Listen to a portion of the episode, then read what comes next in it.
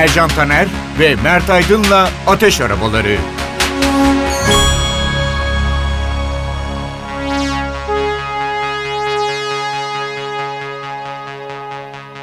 Merhaba Ateş Arabalarına hoş geldiniz. Merhaba. Dünya Kupası heyecanı var. Bunu biliyorum ama bir efsaneden başlayarak programımızı açmak istedik değil mi Mert? Evet. Rafael Nadal. Rafa Nadal. Artık nasıl söylerseniz.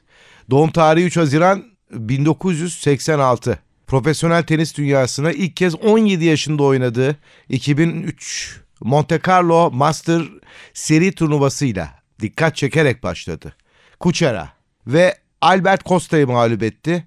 Bütün dikkatler üzerindeydi. Sonra önlenemez yükseliş başladı. Onunla ilgili benim çok küçük bir e, anım var. Yani birebir onunla ilgili değil, onunla değil ama e, 2005 yılının Mayıs ayıydı. E, o sırada Nadal yükselişte olan bir yıldızdı ama şu andaki konumunda değildi. Grand Slam kazanmışlığı yoktu. Nadal'ın da sponsorluğunu yapan spor firmasının davetlisi olarak İspanya'ya gitmiştik. Orada e, İspanya'da atletizmle ilgili bir organizasyonun içindeydik. Ama oradaki o şirketin görevlileri spor e, malzemesi şirketi diyeyim herkes ne olduğunu biliyor da biz söyleyemiyoruz. Neyse aralarında devamlı Rafael Nadal'dan bahsediyorlardı. Nadal şöyle olacak, Nadal böyle olacak. Ya içimden dedim ki tamam yani adam yetenekli de acaba bu dedikleri kadar olacak mı? Hakikaten oldu yani bunu öngörmek de Doğru. önemli bir şey. Özellikle toprağın kralı olarak biliniyor Rafael Toprak Nadal. ağası bizim dilimizde. Bizim Türkçe'de de. dilimizdeki tanımıyla toprak ağası olarak değerlendiriliyor ama 2008 yılında çim ağları da alıyor. Wimbledon e, tenis turnuvasını kazanıyor. Doğru. Çok enteresan. Biliyorsun amcası Tony Nadal tarafından çalıştırılıyor. Bir, bir diğer amcası da Barcelona'nın eski stoperi, milli İspanya milli takım stoperi Miguel Angel Nadal.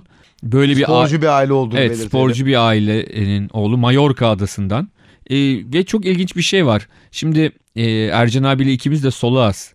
Evet. Ee, Nadal'da solak görünüyor ama değil aslında. Çok ilginç. Aslında sağ elini kullanıyor normal hayatında.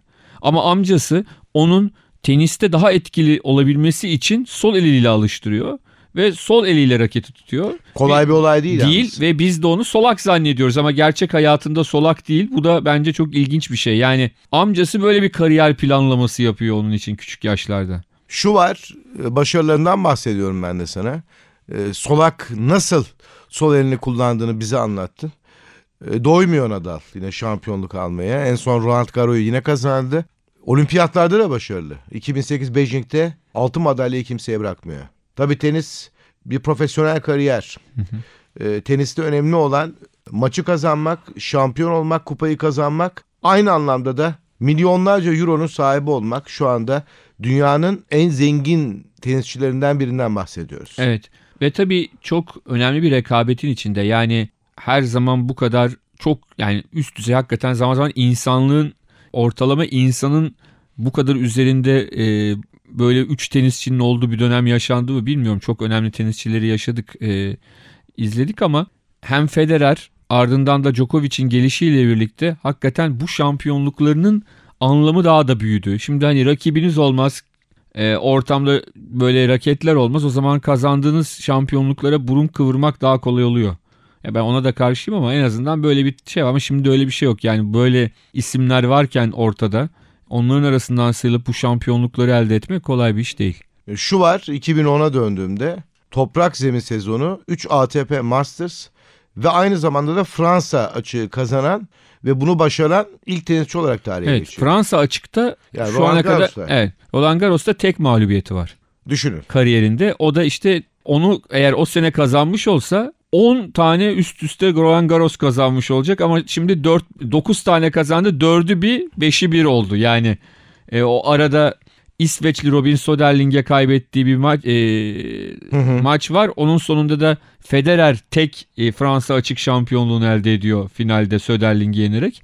O da olmasa aslında 10 tane Fransa açığı üst üste kazanarak herhalde e, bir daha 2100'lerde falan e, elde edilebilecek bir rekor kırmış olacaktı. Bir de az önce çok önemli bir konuya parmak bastığını söyleyebilirim. Şu anda bakıyoruz Djokovic, Federer yine yetişenler var. Ama Nadal sakatlığı dışında e, başka bir istikrarsızlık bir spor severlere göstermedi. Evet. Çok önemli bir sakatlık yaşadı. Yani e, şöyle söylemek lazım.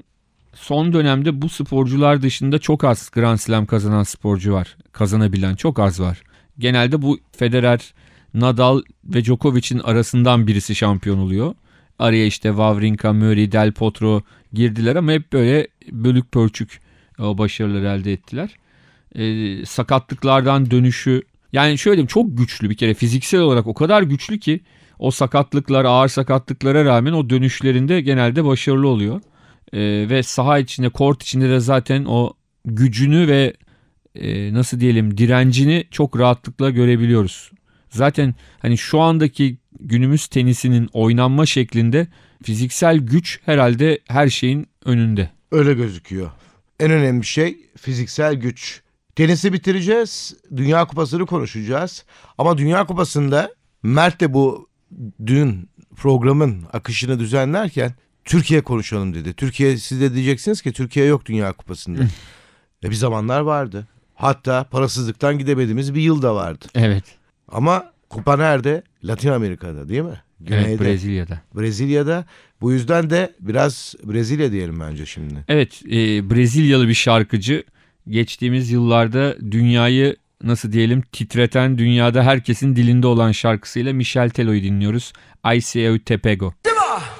Nossa, nossa, assim você me mata. Ai, se eu te pego, ai, ai, se eu te pego, ai, delícia, delícia, assim você me mata. Ai, se eu te pego, ai, ai, se eu te pego, hein?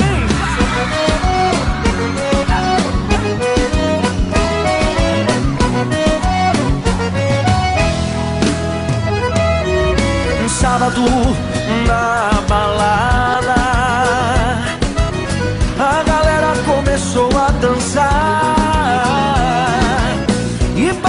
menina mais linda. Tomei coragem e comecei a falar. Como é que é, vai? Nossa, nossa, assim você me mata. Ai, se eu te pego, ai, ai, se eu te pego, delícia, delícia, assim você me mata. Ai, se eu te pego, ai, ai, se eu te pego, tema.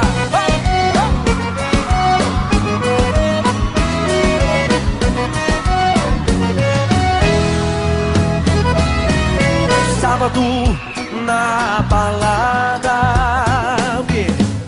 A galera começou a dançar.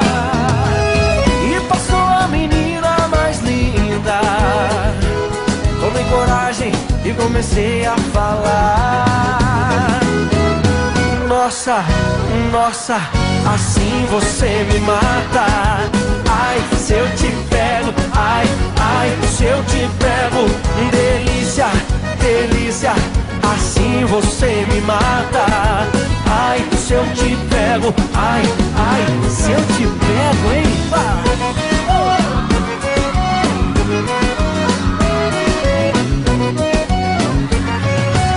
Eu quero ouvir só vocês agora. Nossa. Ai, se eu te pego. Uh! Delícia, delícia, assim você me mata.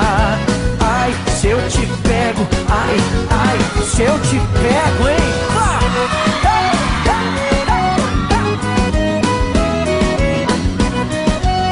Que delícia, hein? Ai, se eu te pego. Bu Latin rüzgarından sonra Türkiye dedik. 1954. İsviçre'yle başlayayım mı ben müsaade edersen? İstersen gidemediğimizle başlayalım. Onu sonra özel sakladım. Tamam, okey. Neden oldu diye. Türkiye'nin katıldığı ilk Dünya Kupası çünkü. Evet. Öyle başlayalım dedim. Aslında İspanya'ya- şöyle diyeyim ben. Geçtiğimiz günlerde sabah yayınında Fransa Jamaika'yı 8-0 yenmiş. Bir izleyicimiz e, orada programda Jamaika'ya dalga geçti. Ben dedim ki ya dalga geçmeyin. Sonuçta Türkiye kaç kez Dünya Kupası'na gitti? 2. Jamaika kaç kez gitti? 1. Hani çok sanki biz onların önünde değiliz o sayı anlamında. Tabii biz 8 Çok- kere katılmadık. Çok Dünya dalga Kupası'na. geçmeyelim yani. Tabii ki 8-0 yenilmek iyi bir şey değil Fransa'ya ama sonuçta Maalesef Türk futbol tarihinde İngiltere'ye ilk kez 8-0 Bir kez de 5-0 yenildik ve henüz halen gol atamadık. Bir de 60'larda Bunu Polonya var galiba. istiyor. 8-0. Polonya'ya da 8-0'lık çok ağır bir yenilgimiz var. 70'lerin 60'ların sonu dediğin gibi doğru. Bunları da o seyircimiz merak etmiştir belki. E, Sabah senin programını izleyen. Ama Türk futbol tarihinde de var. Onu belirtmemiz Evet. gerekiyor. Türkiye'nin katıldığı ilk Dünya Kupası dedik. Ve rakip İspanya. Maç 2-2 bitiyor. Son maç. Roma'daki son maç. Önce berabere. Sonra Roma'daki son maç değil mi? Yanılmıyorum. Evet önce ilk maç e, İspanya'da oynanıyor. 4-1 mağlup oluyoruz. Sonra Sonrasında e, Türkiye'de 1-0 yeniyoruz. O dönemin kurallarına göre Averaj yok. averaj yok. İki takım birer tane kazandığı için tarafsız sahada Roma'da oynanıyor ve müthiş bir maç. E, Turgay Şeren'in yine harikalar yarattı ama Berlin sonunda Panzeri. sakatlandığı karşılaşma. Sonradan sanırım Şükrü Ersoy maçın sonunu getiriyor ve 2-2 bitiyor. Ve işte ondan sonra kura atışı yapılacak. Evet. Şimdi şöyle bir şey var. Kuru atışında Franco diye bir çocuk var. Maç 2-2 dediğin gibi bitiyor. Franco para atışını yapıyor. Hani bizim bildiğimiz yazı mı tura mı derdik ya yazı tura öyle atılıyor. Ve Franco diyor ki yazı. Ne oluyor? Türkiye Dünya Kupası'na gidiyor. Evet. Şunu da söyleyelim. O dönemde İsviçre'de yapılacak Dünya Kupası için elemede e, kurallar çekildiğinde e, İspanya'nın Türkiye'yi rahat eleyeceğini düşünen İsviçreliler Halit abinin kulakları çınlasın o anlattı. İsviçreliler İsp- İspanya ile ilgili hediyelik eşyaları hazırlamışlar. Yani nasıl Bizle olsa- ilgili yok. Yok evet İspanya ile ilgili şeyleri hazırlamışlar. Sonradan mecburen tabii değişmiş. Kuradan sonra. E, mecburen değişiyor tabii ki. Bizle ilgili hatıra eşyaları hazırlıyorlar. Şimdi ne yaptık? E, o zamanki adı Federal Almanya. Macaristan ve Güney Kore ile eşleşiyoruz. Ancak oradaki eşleşmede şöyle garip bir durum var. Herkesle maç yapmıyorsunuz. 1954 Dünya Kupası'nda sadece uygulanan e, çok mantıksız bir sistem. Bu sistemde 3 rakibinizden ikisiyle oynuyorsunuz. Bunlar da Almanlar ve Evet Kore. Kore. Şimdi Almanlar bizi 4-1 yeniyorlar. Evet. Sonra ne yapıyoruz? Hatta o 4 birlik maçta da 1-0 maçın başında öne geçiyoruz öne Suat geçiyoruz. Mamat'la ama ilk yarı 1-1 bitiyor ama ikinci yarı 4'leniyoruz. Sonrasında Güney Kore ile oynuyoruz. Ve Güney Kore'yi 7-0 yeniyoruz. 7-0 yeniyoruz. Müthiş bir performans. Muhteşem bir sonuç. Burhan Sargun'un 3 gol attığı karşılaşma ve o maçtan sonra duruma bakılıyor. Türkiye 2 puan yani bir galibiyet bir yenilgi. O zaman 2 puan sistemi var. Macarlar 2 galibiyet 4 puan. Almanya Almanlarda bak bakıyoruz 8 tane yemişler Macarlardan 8-3 Sonra 1954 Dünya Kupası finalinde Almanya Macaristan'ı yeniyor. yeniyor. O ayrı hikaye. O ayrı. Evet ve böyle olunca biz Almanya ile bir daha maç yapmak durumunda kalıyoruz. Aynı puandayız. Averaj yok. Ne oluyor? Şey maçına çıkıyoruz. Ne derler?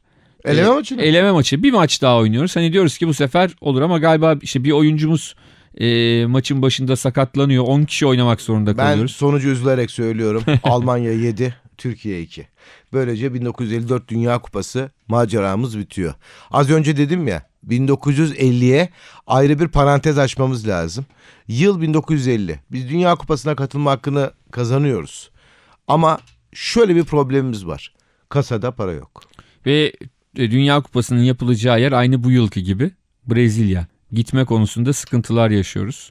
Aslında şöyle söyleyeyim Suriye ile eleme maçı yapıyoruz ve 7-0 Suriye'yi mağlup ederek Esasında 7 atmayı seviyoruz. evet Ya Almanlarla oyuncu olabilir de e, yenilebiliriz ama 7 atmayı seviyoruz. Evet Suriye'ye de 7 tane atıyoruz. 1949 yılında 50 Dünya Kupası için ama finansal nedenler deniyor. Öyle deniyor böyle deniyor. Maalesef Türk milli takımı katılmaya hak kazandığı ilk Dünya Kupası'na Bunun en büyük sebebi şu. e. Türkiye savaşa girmemesine rağmen Hı hı. e, İkinci Dünya Savaşı'ndan sonra yine büyük ekonomik krizler yaşanıyor. İster istemez biz ülke olarak bundan etkileniyoruz. Ve 1950 yılında yapılan Dünya Kupası İkinci Dünya Savaşı'ndan sonra yaklaşık 5 yıllara verilen kupadan sonra yapılan ilk Dünya Kupası. Bu yüzden o yıllara şöyle bir gideyim dedim. Haksız da sayılmayız. E, Çünkü yeri geliyor ekmek problem, benzin problem ve Brezilya'ya gitmek şimdiki gibi havaalanına gidip pasaportunuzu gösterip biletinizi alıp İstanbul, e, Sao Paulo uçamıyorsunuz. evet. Bu yüzden de ben haksız demeyeyim. Belki sen başka bir pencereden bakarsın ama Yok. ben haksız görmüyorum. Tabii ki yani mutlaka belli nedenleri vardır ama belki de buna şimdiki gözle bakılıyor olsa hani o para bir şekilde bulunur muydu, bulunmaz mıydı? Yani şöyle diyelim o an için çok doğru ve haklı bir davranış olabilir. Şimdi bakıldığında kaçan bir fırsat olarak Ya belki de e, mesela işte Lefter Küçük Andonyadis iki Dünya Kupası'nda oynamış olacaktı. 54'ün. Yani futbol tarihine baktığın zaman birçok futbolcu birçok ilkler yaşanacak. birçok futbolcu iki Dünya Kupası oynamış olacaktı. Çünkü e, o dönemde oynayıp öbür dönemde de 54'te de olan çok oyuncu var bir kere. E, bazıları 54'e yetişemeyenler var yaş itibariyle 50'de oynayacaklardı. Şimdi Dünya Kupası'nda oynamış olmak çok farklı bir şey. Belki bir, 19 bir, bir takım daha var turnuvadan çekilen. 13 takımla oynanıyor. Ne takım sayısı az. az. O takımın adı da Hindistan. Evet. Onu söyleyelim. Nedenleri de enteresan. Onu da anlat bakalım. Çıplak ayakla oynamak istiyorlar. Hayır gelmeyin çıplak ayakla oynatmayın o zaman diyorlar. biz de gelmiyoruz diyorlar. Evet. 1950'nin şampiyonu Uruguay. Maracana stadı. Şimdi artık imkansız. 200 bin seyirci önünde Evet. oynanıyor karşılaşma. Şimdi tabii 80 bin sanırım oturmalı olarak. O Sonra zaman bir 100 bine düştü, 150 bine düştü. Düştü. Sonra da tekrar 100 bine düştü. Uruguay, Brezilya, İsveç ilk üçte yer alan takımlar. Bir Brezilyalı Ademir, gol kralı ama finalin öyküsü sende. aslında final final değil. Yani resmi adı final Heh. değil finalin. Çünkü Esa, Bin- bu bin- da değişik bir şey çünkü. 1950 Dünya Kupası'nda da durum şu. Gruplarında birinci olan dört takım final grubunu oluşturuyorlar ve lig usulü birbirleriyle maç yapıyorlar. Ee, ve tamamen fikstür gereği Brezilya ile Uruguay son maçta birbirleriyle oynuyorlar ve son maça girilirken Brezilya e, bir puan farklı önde. Yani beraberlik halinde Brezilya dünya şampiyonu olacak. Tabii mesela o maç berabere bitmiş olup Brezilya dünya şampiyonu olsaydı bunu nasıl anlatabilecektik final diye onu bilmiyorum ama e, Brezilya beraberliğin şampiyonluk için yettiği, tribünlerin 200 bin kişi tarafından hınca hınç dolu ol- doldurulduğu bir stadyumda o maçı kaybediyor. Ve çok ilginç bir şey var. Uruguaylı futbolcuların ve yöneticilerin anılarında şöyle şeyler var. Milli Uruguaylılar o kadar korkuyorlarmış ki şimdi 200 bin kişi önünde Daha oynuyorlar. yeni e, belgesel izledim ve Uruguay hayatta kalanlar var. E, aynı senin söylediğin cümleleri kullandılar.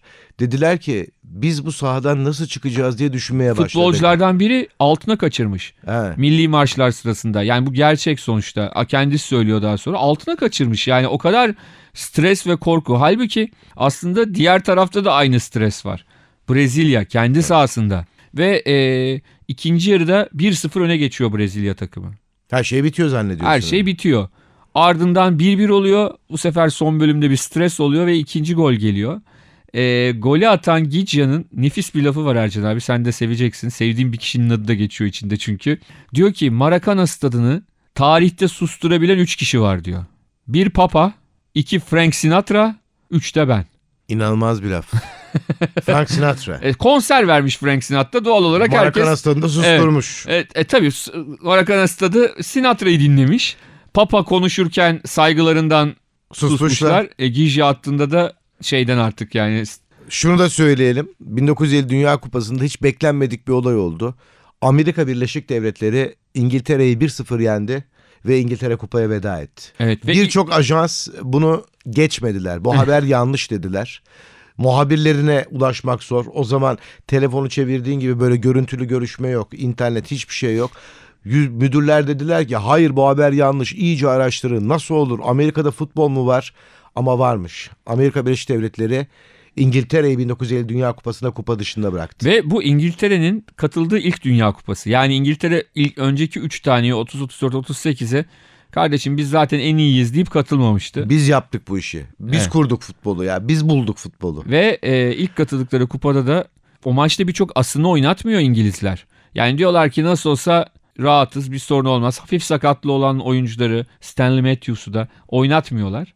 E, Haiti kökenli Joe Getjens e, kafa vuruşuyla Amerika Birleşik Devletleri'ne kazandırıyor. Aslında Amerika 1930 Dünya Kupası'nda yarı final oynayan bir takım. Ama 30 kupasındaki takım böyle değil. 30 kupasındaki takım İngiliz ve İskoç e, profesyonel futbolculardan oluşuyor. Yani İngiltere'de, İskoçya'da alt liglerde oynayanları toplamışlar, oynatmışlardı. Şimdi öyle değil. Şimdi hakikaten amatör Amerika'da yaşayan gençlerden kurulu bir kadro E, ve İngiltere'yi mağlup ediyorlar. E, bu Amerikalılar bunun da filmini yaptılar. Yani o kadar onlar için de aslında ilginç ve önemli bir enteresan bir Ya bunun şey filmi ki. yapılmaz olur mu? Kitabı da yazılmıştır. E, Onu mutlaka. söyleyeyim. Frank Sinatra dedin az önce. Bana o sözü tekrarla. İstersen de anons öyle yapalım. Maracana'yı 3 kişi susturmuş. Papa, Frank Sinatra ve Gigia. Şimdi Frank Sinatra bizi Fly me- sustursun. Fly Me to the Moon. Dinleyelim. Fly me to the moon. Let me play among the stars. Let me see what spring is like on uh, Jupiter and Mars. In other words, hold my hand. In other words, baby, kiss me. Fill my heart with song and let me sing forevermore. You are all I long for, all I worship and adore. In other words, please be true. Other words,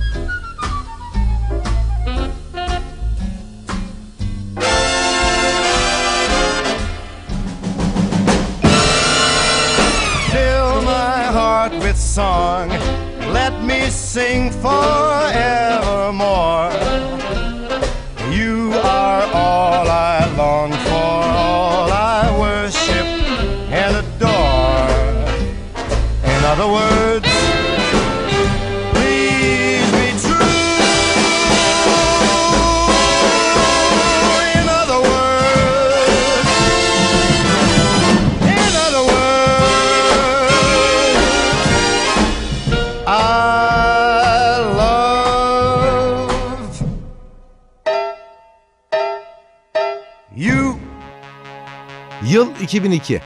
Dünya Kupası'na gidiyoruz. bir sürü favori var. Evet. Bunların arasında e, biz favori miyiz? Tabii ki değiliz. Bence de değildik giderken. Doğru. Takımlara bakıyorum. Doğru. Güçlerine Ta- bakıyorum. Tarihin en ilginç dünya kupalarından bir tanesi. O Dünya Kupası'nda ne oldu? Neler yaşandı? Önce onda bir konuşmaya başlayalım. Mesela ben konuyu açayım. Fransa elendi. Yıldızlar topluluğu. Fransa e, son şampiyon, son dünya ve Avrupa şampiyonu olarak geldi. Evet. E, ancak 3 maçta 0 gol attılar. 5 topları direkten döndü. E, ama elendiler. 1 puan top. Bir tek Uruguay ile 0-0 berabere kalabildiler. Burada tabii Fransa'nın sorunları vardı. Fransa'da Zidane sakattı. Zidane sadece son Danimarka maçında forma giyebildi. E, Ama çok, çok bir tek artık. galibiyet bile almadan elendi Fransa. Gol atamadılar. Gol Evet. atamadılar. Yani ki kadroya baktığında Henry'si, Trezeguet'i, işte Jorkayev'i, Vieira'sı e, çok üst düzey bir takım. Açılış maçında asıl şoku yaşayarak başladılar. Senegal'le oynadılar. Senegal'li oyuncuların büyük çoğunluğu hepimiz biliyoruz Fransa liglerinde oynayan. Çoğunun altyapısı Fransa ligi takımları. Onlar karşısında da direkten dönen topları vardı. E, ama sonunda Diop'un golüyle 1-0 mağlup oldular. E şimdi o şokun üzerine Uruguay biliyorsun çok sert bir takım. E, kolay gol yemeyen bir takım. Orada da 0-0 olunca son maçta Danimarka karşısına çıkılırken hani kazansalar bile tehlikeliydi durum. E, e, o maçta da Danimarka çok formdaydı. 2-0 kazandılar. Zidane sakatlıktan yeni çıkmıştı. Roger Lömer yönetiminde e, tam bir hüsran yaşadılar. Dediğim gibi 98 dünya şampiyonu 2000'de de Avrupa şampiyonu olarak hani şimdi İspanya'nın olduğu gibi bir durumdaydılar. Ama tam bir hüsran yaşadılar diyebiliriz. Bu favoriler elenirken e, bir takım daha çok önemli bir takım daha elendi ilk turda. Arjantin. Arjantin takımı da güçlü bir kadroya sahip. Bir önemli takım daha elendi. Söyleyeyim? Portekiz. Evet Portekiz de onların özellikle Amerika maçıyla başlayan e, yenilgiler serisinde son maçta Güney Kore ile ev sahibi Güney Kore ile oynadılar ama orada da her şey o maça kalmıştı. Belki her şeyi o maça bırakma hatasına düşmüşlerdi ama işte o maçı da kaybedince. Sonra bu ilginç kupa dedik ya. Konuyu böyle açtık. İtalya ve İspanya Hiddink yönetimindeki Güney Kore'ye. Güney Kore'ye elendiler. Yani Güney Kore Portekiz'den sonra önce ikinci turda İtalya'yı ardından çeyrek finalde İspanya'yı mağlup etti. Güney İspanya- Kore böyle tarih yazıyordu. İspanya'yı penaltılarla geçtiler Evet. ama tabii o özellikle İtalya ve İspanya maçlarındaki hakem yönetimleri çok fazlasıyla Tartışıldı. tartışıldı. Bunun altını e, fen- Çizmemiz gerekiyor. Çok net çizmemiz gerekiyor. Tamam Hiddink iyi bir iş yapmıştı. Güney Kore takımı beklenenin üzerinde oynuyordu ama hani İtalyanlar ve İspanyolların isyanları da çok haksız sayılmazdı onu da e, belirtmek gerekiyor. herhalde. Elenip gittiler ama. Elenip gittiler. Ve E, biz ve biz bizim gelişimiz playoff'la olmuştu. Avusturya ile bir playoff maçı yapmamız gerekiyordu. Eşleşmesi olmuştu. Okan'ın golüyle Avusturya'da 1-0 kazandık. Sonra burada Ali Samiyen'de 5-0 Avusturya'yı mağlup ettik ki mükemmel bir Ee, maçtı bizim için. Türkiye adına önemliydi ve biz Dünya Kupası'na gittik. Grubumuz Brezilya, Costa Rica ve Çin'den oluşuyordu. Herkesin düşüncesi şuydu. Brezilya tamam ama biz grubu ikinci bitiririz. Hani Costa Rica ve Çin'i çok açıkçası şey yapmadık. Değerlendirmeyi almadık. Almadık. İlk Sonra maç perişan olduk yalnız. İlk maç Brezilya maçı. Aslında herkes hani iyi oynayalım yeter. Yensek de yenilsek de fark etmez. Hani sonuçta Brezilya'da zaten sonra şampiyon oldu. En müthiş kadrosuyla Rivaldo, Ronaldo, Ronaldinho, Roberto Carlos. Ronaldo'nun gele- gol kralı olduğu turnuva 8 evet, golle. Evet. Yani aklınıza gelecek her oyuncu var. Ee, ve maç başa baş başladı. Üstüne bir de olabilecek en iyi mevkideki oyuncumuz çok iyi oynuyordu Rüştü. Rüştü inanılmaz toplar çıkardı ve sonrasında Yıldıray Baştürk muhteşem bir pasla Hasan Şaş'ı topla buluşturdu ve Hasan Şaş Çok güzel bir gol. kariyerinin en anlamlı gollerinden birini attı. Attıktan sonra da Sevin öyle acayip bir yüz ifadesiyle bayrak direğinin yanına gitti. 1-0 öne geçtik. Sonra ikinci yarının başında Ronaldo bir gol attı. 1-1 oldu. Ardından Şenol Güneş'in çok tartışılan bir kararı işte Yıldıray'ı oyundan alıp Ümit Davala'yı oyuna dahil etmesi. Ardından maçın sonunda 88. dakika 1-1 hala götürüyoruz. Ümit orta sahadan Rüştü'ye bir geri pas verdi. Rüştü pek ayağıyla iyi vuran bir oyuncu değildir. Rüştü'nün vuruşu kısa düştü. Luizao'ya geldi. Luizao ceza alanı dışındayken Alpay Euro 96'da yapmadığını yapıp Luizao'yu yere düşürdü. Bizim beklentimiz kırmızı kart ve serbest vuruştu. Evet. E, Güney Koreli hakem kırmızı kartın yanına penaltı verdi. Ceza alanı dışında olmasına rağmen. Orada 2-1 mağlup duruma düştük. Ardından e, Hakan Ünsal kornere giden bir toptan sonra sinirle topa vurup vurdu. Top Rivaldo'nun dizine geldi. Rivaldo ah yüzüm diyerek yere yattı. Hakan Kendini da bir kırmızı kart aldı kart. oradan. Bu arada Rivaldo'ya sonra bir para cezası geldi FIFA'dan. Ve biz o maçı 2-1 kaybettik. Hatta Haluk Ulusoy'un biz işte Korelileri kurtardık. Hı, e, hı. Güney Koreli hakem ne yaptı gibi açıklamaları vardı. Ardından Costa Rica maçı geldi. Biz Costa Rica maçını bir 60 dakika iyi oynadık. Çok gol pozisyonuna girdik. Emre Belözoğlu öne geçirdi ikinci yarının başında. Ama son 20 dakikada durduk. Durunca önce beraberliği yedik. Bir gol daha yersek bitiyor. Şansımız kalmıyor. 90. dakikada boş kaleye dokunamadı Costa Rikalı oyuncu. Dokunsa bizim bu şimdi anlatacağımız o muhteşem Hiçbir şey macera olmayacaktı. O gol olmadı ve bir iş son maça kaldı. Bizim Çin'i belli bir skorla yenmemiz ama Brezilya'nın da mutlaka Costa Rica'yı yenmesi gerekiyor. Şimdi ben şöyle bir açıklama yapayım. Neler yazıldı biliyor musunuz o maç öncesinde?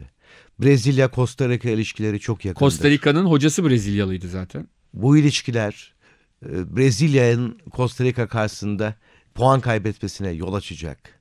Bu yüzden e, bu düşüncelerle ilgili ne programlar yapıldı ama Brezilya Dünya Kupası'nda bir başkadır. Ne oldu? Brezilya 5, Costa Rica 2. Biz de Çin karşısında hakikaten beklediğimiz gibi rahat bir galibiyet aldık. Bülent Korkmaz gol attı, Hasan Şaş attı. Ee, en sonunda Ümit Davala 3-0'ı getirdi ve biz de ikinci tura yükseldik. Bir anda gayet kötümser baktığımız bir noktada çok farklı bir şey oldu. Ve ikinci tura yükseldik. Ama şimdi bir ara verelim. Bir Latin yapalım yine. Evet, Juanes'ten dinliyoruz La Senal.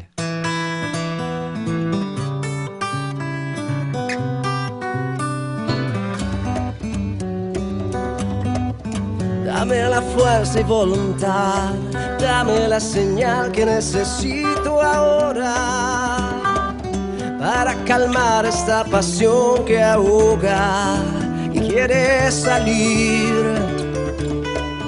La luna llena me recuerda que vale la pena luchar por ti, que vale la pena, que vale la voz del amor habla en mi corazón. Estoy con Dios y con vos. Hay una señal en esta canción. Dame la fuerza que, necesito libertad. Dame las ganas de volar. Una mirada que, que vale mi felicidad. Dame las ganas de soñar. Es un largo camino. señal. Contigo toda esa esperanza, contigo solo quiero vivir y vale la pena que vale la voz del amor habla en mi corazón. Estoy conectado con Dios y con vos. Hay una señal en esta canción. Dame la fuerza que, que necesito libertad. Dame las ganas de volar.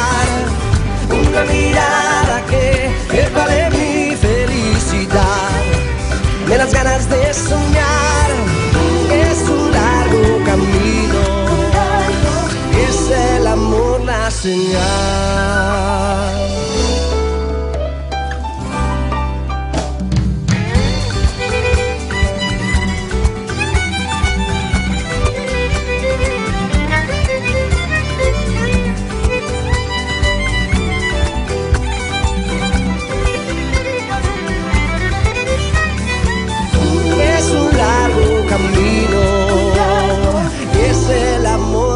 Señal. Dame la fuerza que, que necesito libertad, de las ganas de volar, una mirada que, que vale mi felicidad, de las ganas de soñar,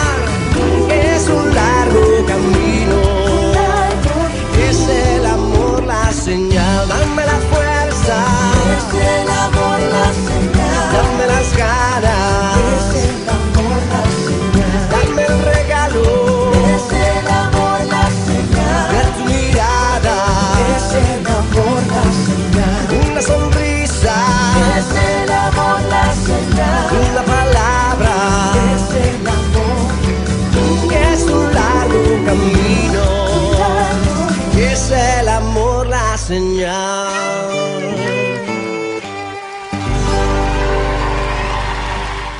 Juanes'i çok aradım ben. Nacional.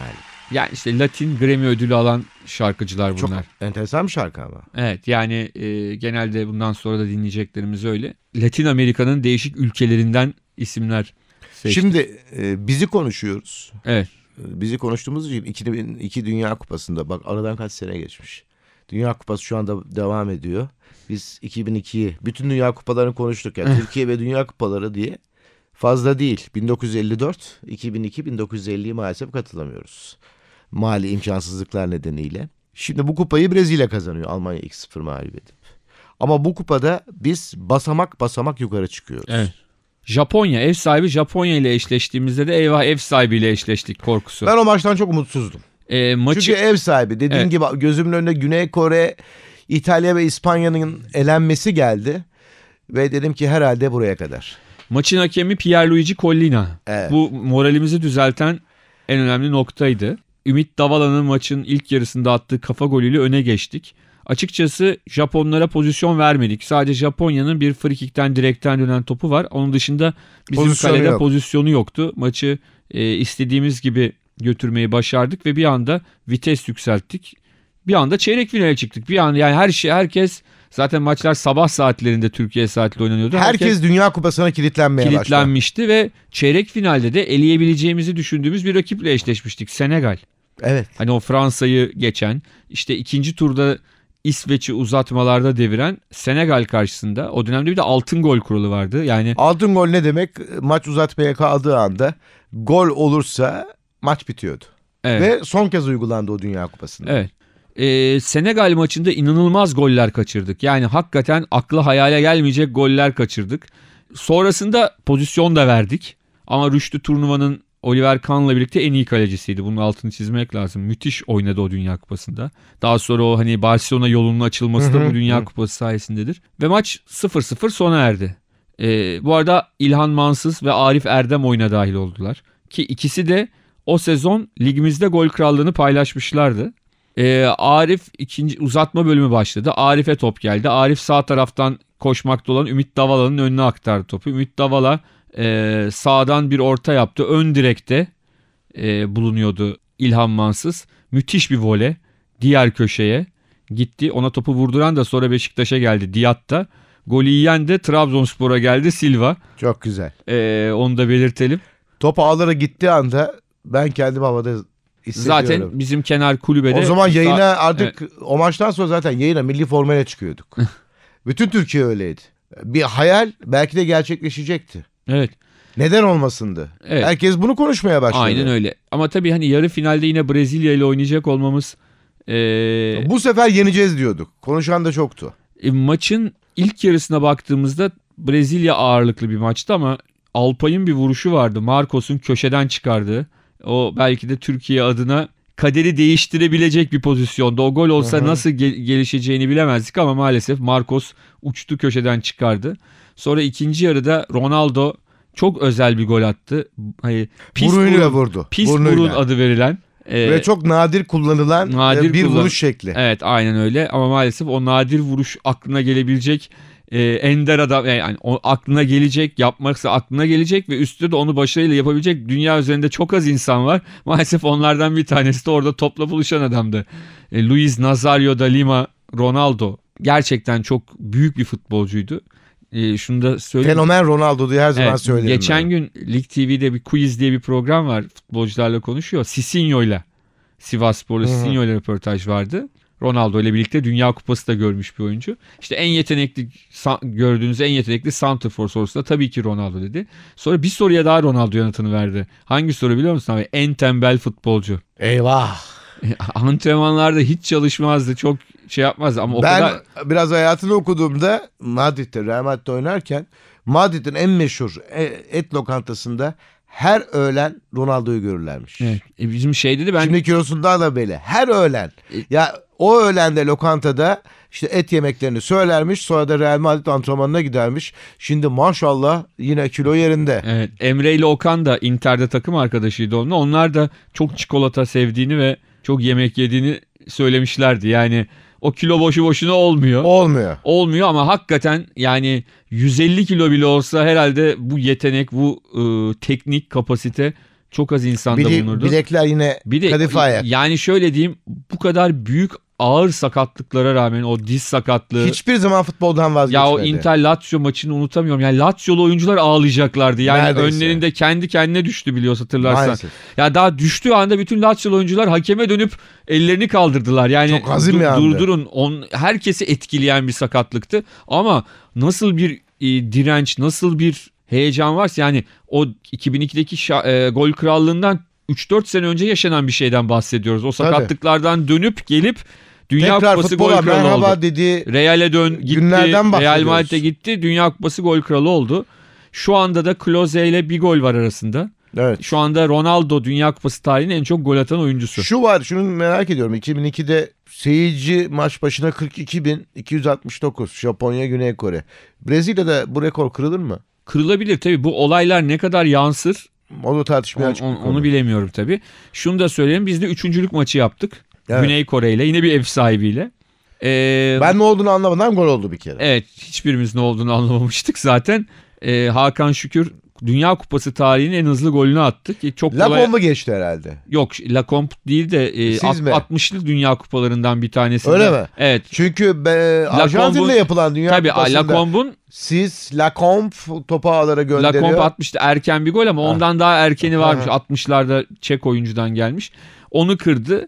E, o ko- kolay kolay da kırılması artık e, pek mümkün gelmiyor bana. Hakan. Hani orta sahadan birinin atması gerekecek neredeyse. Tek vuruşta. Yani Ee, oyun başlayacak ve gol olacak. Şenol Güneş bu kez farklı bir dizilişle iki santrforla yani İlhan Hakan birlikte oynatmıştı ki hatta Hakan Şükür de hani turnuva boyunca çok eleştirildi. Ee, tek golünü de üçüncülük maçında attı. Yani keşke baştan hep İlhan'la oynasalar çok daha verimli olurduk diyordu. İlhan da bu maçta e, üçüncülük maçında iki gol attı. Ee, Güney Kore'nin gollerinden birini de daha sonra Trabzonspor'a gelecek Lee Kaydetti. kaydetmişti. 3-2 kazandık. Maçtan sonraki dostluk görüntüleri, iki takımın birlikte tribünleri selamlaması, milli takımımız oyuncularının çocuklarının da madalya törenine babalarının omuzlarında çıkmaları hakikaten Çok güzel unutulmayacak sahnelerdi. e, aynen öyle e, çok güzel sahnelerdi ve Türkiye dünya üçüncüsü oldu. E, Brezilya şampiyon oldu. Finalde Almanya ile oynadı. şu da çok ilginç. Brezilya ve Almanya Dünya Kupası tarihinin en çok maç yapan takımları. Zaten her kupada. Varlar. Ama Dünya Kupası tarihinde oynadıkları tek maç birbirlerine karşı. 2002 finali. Yani bu da çok enteresan. O kadar maç yapıyorsunuz hiç birbirinizle maç yapmıyorsunuz. O da 2002 Dünya Kupası finaline denk geldi. Ve Brezilya kazandı. Brezilya açıkçası çok pozisyon vermeden Rahat bir galibiyet aldı e, Brezilya. aldı. Almanlar çok direndiler. e, mücadele ettiler ama ama, Brezilya teknik olarak yani çok Brezilya o kadar e, üst düzey bir takımdı ki hakikaten yani diyorum ya Ronaldinho, Ronaldo, Rivaldo, Roberto Carlos, Gilberto Silva yani düşündüğünüz zaman o kadar büyük oyuncular Dream Cafu, Team esasında Brezilya'ydı. Cafu, İspanya'daki olimpiyatlarda katılan Amerika Birleşik Devletleri Evet. basketbol takımına Dream Team deniyordu. 2002'de bu Brezilya'ya da Dream Team deniyordu. Evet yani Brezilya çok hak ederek ve hani beklentiler doğrultusunda o şampiyonluğu elde etmiş oldu. Güzel bir Güney Amerika esintisiyle bugünü kapatmanın zamanı Evet. geldi sanki. Evet Julieta Venegas söylüyor Me Voy.